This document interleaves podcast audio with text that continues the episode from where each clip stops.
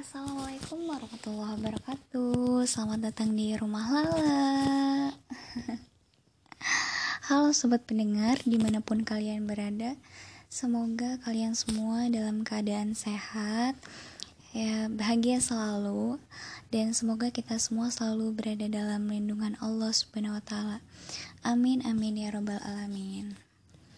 Nah, kalau di episode sebelumnya kita udah kenalan, di episode kali ini lah mau ngenalin program di podcast ini nih.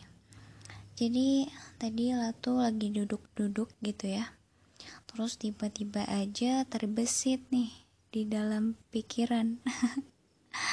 Jadi uh, lah mikir kalau di sebuah rumah tuh biasanya ada yang punya kolam gitu ya. Nah kolam kolam kolam setelah berpikir berpikir kolam nih adalah kongko malam. Nah jadi nama programnya ini kongko malam di mana Kongko ini setelah lah cari tahu Kongko itu di Google adalah kayak ngobrol atau obrolan atau bisa juga dia kayak bercengkrama gitu. Nah, lama ini malam gitu dilakukan di malam hari. Jadi mungkin sistemnya gini lah akan mencoba untuk uh, merecord podcast ini di malam hari dan menguploadnya juga di malam hari gitu ya meskipun nggak tahu sih kalian dengarnya malam hari atau siang hari atau pagi hari gitu kan. Terserah kalian aja gitu. Intinya lah mau kasih program eh mau kasih nama program ini kolam kongko malam. Nah untuk mengisi edisi kolam episode 2 ini lah mau bercerita cerita mengenai pengalaman La di mana La itu sering dikira kakak beradik dengan ibu La sendiri gitu. Jadi gini ceritanya. Ibu La itu bisa dibilang menikah di usia yang tergolong masih muda, yaitu di usia 21 tahun. Berjarak cukup jauh dari usia ayah yang pada saat itu berusia 28 tahun. Nah itu kan uh, ya berpaut 7 tahun sampai 8 tahun lah bedanya. Nah tapi fokuslah bukan lagi membahas usia ya. Nah di sini uh, lah tuh mau cerita kenapa kok bisa ibu tuh dikira kakak gitu sama orang. Nah saat ini ibu tuh usianya 42 tahun di mana di usia yang sudah cukup matang ya bagi seorang perempuan sebagai seorang ibu juga punya dua anak itu banyak perempuan-perempuan di luar sana yang merasa takut gitu. Begitupun juga lah gitu lah juga takut. Kenapa takut? Karena biasanya kalau perempuan itu sudah menikah terus juga punya anak, biasanya akan terjadi perubahan-perubahan. Di antaranya, mungkin bisa juga perubahan postur tubuh, atau juga hormon dan lain sebagainya. Nah, di sini yang mau garis bawahi ini adalah perubahan postur tubuh. Nah, let berpikir gitu ya.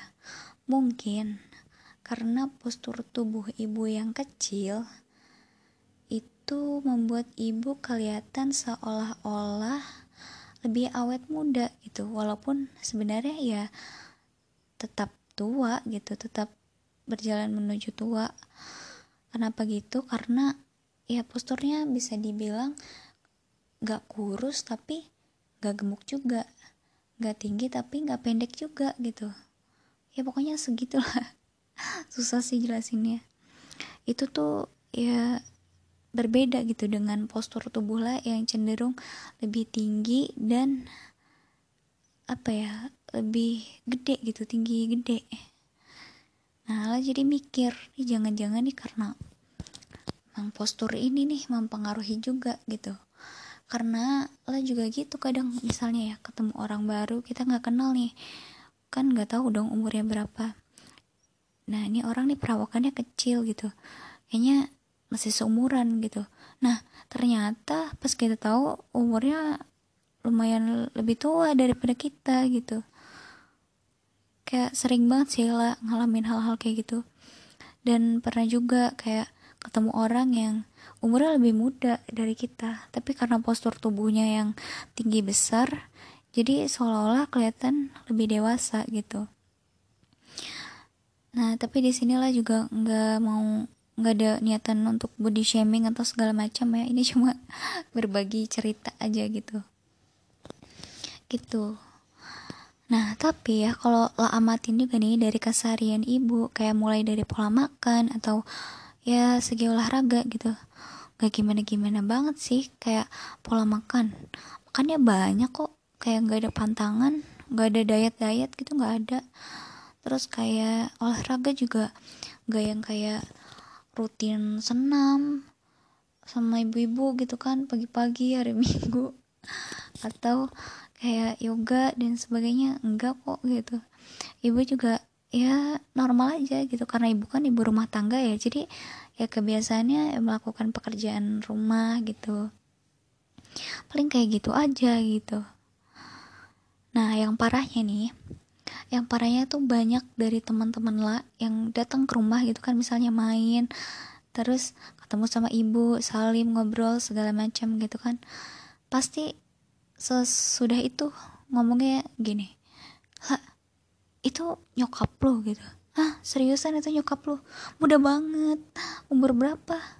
Masa sih? Ah gak kelihatan tua deh gitu.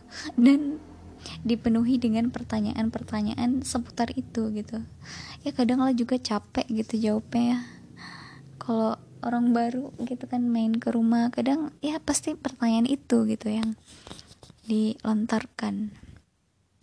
Belum lagi nih kalau ada misalkan kayak jalan gitu ya keluar sama ibu berdua ke swalayan atau ke pasar. Kayak oh pernah waktu itu kan uh, lagi jalan gitu ya lewatin kayak kios-kios gitu terus ada toko baju gitu.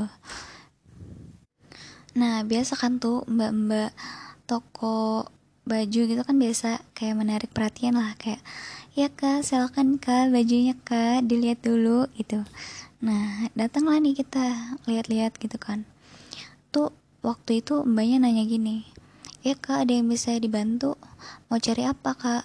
Mau cari buat kakak atau buat adiknya ya? Gitu bayangin teman-teman. Jadi mbaknya nih nggak tahu gitu kan. Kalau misalkan lah ini anaknya bukan adiknya gitu.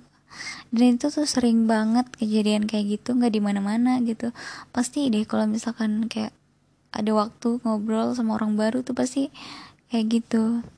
Apalagi dulu waktu zaman zaman SMP SMA gitu sering banget ngadepin eh ngalamin hal itu nah cuma bedanya kalau dulu tuh lebih ke apa ya ada rasa takut gitu takut tersaingi.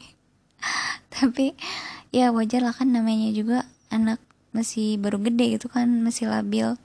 Kalau sekarang sih enggak sekarang lebih ke seneng sih karena kan ya seneng punya ibu yang ya masih awet muda fresh cantik gitu kan. Jadi seneng. Nah gimana nih? Mungkin ada teman-teman yang relate juga sama gitu merasakan hal yang sama kita senasib lah ya. Mungkin kalau cewek mungkin ke orang tua ceweknya dan yang cowok ke orang tua cowoknya gitu.